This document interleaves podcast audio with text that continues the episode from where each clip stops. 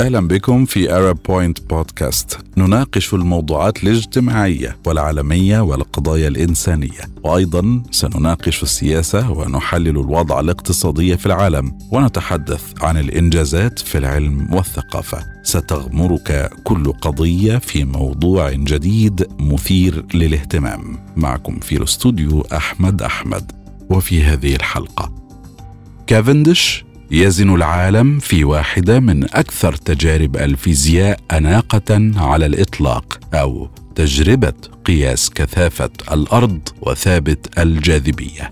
في يونيو حزيران من عام 1798 حدث كبير. كافندش يزن العالم في واحدة من أكثر تجارب الفيزياء أناقة على الإطلاق أو تجربة قياس كثافة الأرض وثابت الجاذبية. في يونيو من عام 1798 أعلن العالم الشهير هنري كافندش عن قياسه الشهير كذلك لكثافة الأرض. كان الكيميائي والفيزيائي مهووسا وخجولا للغاية وغريب الأطوار وكان متجنبا للرفقة كما كان معروفا بارتداء الملابس التي كانت عتيقة الطراز والتي ربما تخرج عن نسق زمانها ومتأخرة عن المواكبة والمعاصرة بنحو خمسين عاما. عناصر هذه الشخصية جعلته بلا شك عالما عظيما قادرا على تكريس نفسه لإجراء قياسات دقيقة للغاية حيث يفقد الآخرون صبرهم. كان يحب بناء وإعادة بناء الأدوات الادوات العلمية ويحاول دائما تحسينها. لقد كان منهجيا للغاية واستبعد بشكل منهجي مصادر الخطأ المختلفة ولم يقتنع ابدا بأن العمل قد اكتمل. مثل العديد من العلماء في ذلك الوقت كان هنري كيفندش ارستقراطيا وقد ورث ما يكفي من المال لتمويل تجاربه في الكيمياء والفيزياء حول الكثير من منزله إلى مختبر وخصص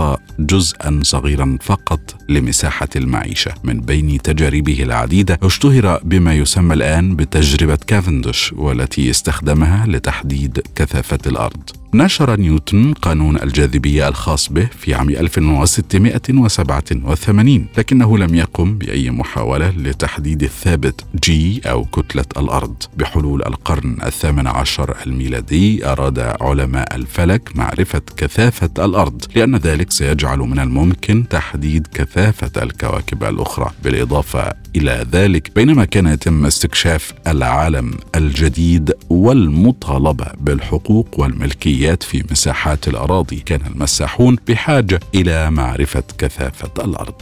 في عام 1763 شرع ميسون وديكسون في تسوية نزاع حدودي بين ماريلاند وبنسلفانيا. تساءل كافندش عن مدى دقة قياساتهم. لقد أدرك أن جبال الجاني سوف تمارس سحبا طفيفا على معدات المسح الخاصة بها ما قد يؤثر على قياسها لكنه لم يكن يعرف حجم هذا التأثير. دفعوا هذا وسواه إلى التساؤل عن متوسط كثافة الأرض نفسها. نفسها. في عام 1772 أنشأت الجمعية الملكية لجنة الجاذبية لتحديد كثافة الأرض عبر قياس درجة انحراف أحد الجبال. وبالفعل توصلوا إلى قيمة لكثافة الأرض. تبلغ 4.5 أضعاف كثافة الماء. لكنهم وضعوا افتراضات. اعتقد كافندش أنها لا أساس لها من الصحة. فكر في المشكلة سنوات حتى عام 1797 وفي سن السابعة والستين بدأ تجاربه الخاصة. بدأ بجهاز توازن الالتواء الذي أعطاه له صديقه الجيولوجي القس جون ميشل الذي كان مهتما بإجراء التجربة بنفسه لكن لم يكن قادرا على تنفيذها قبل وفاته. وادراكا منه أن معدات ميشل كانت غير كافية لقياس قوة الجاذبية الصغيرة بين كرتين معدنيتين صغيرتين شرع كيفندش في إجراء تعديلات حتى يكون لديه إعداد أكثر دقة.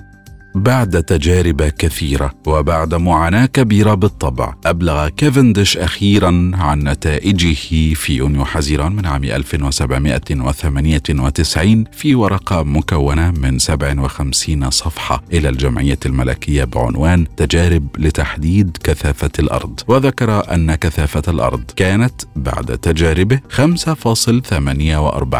ضعف كثافة الماء والقيمة المقبولة حاليا هي 5. كرر آخرون التجربة في وقت لاحق واستخدموا جهازا مشابها. ولنحو قرن تقريبا لم يحقق أحد أي تحسن مقارنة بقياس كافندش الأصلي. اليوم ينظر إلى تجربة كافندش على أنها طريقة لقياس ثابت الجاذبية العالمي أو جي وليس قياسا لكثافة الأرض باستخدام أجهزة قياس محدثة ولكن نفس الإعداد الأساسي. غالبا ما يقوم طلاب الفيزياء والعلماء حاليا بإجراء تجربة كافندش والتي لا تزال توصف وتعرف بأنها واحدة من أكثر تجارب الفيزياء أناقة على الإطلاق.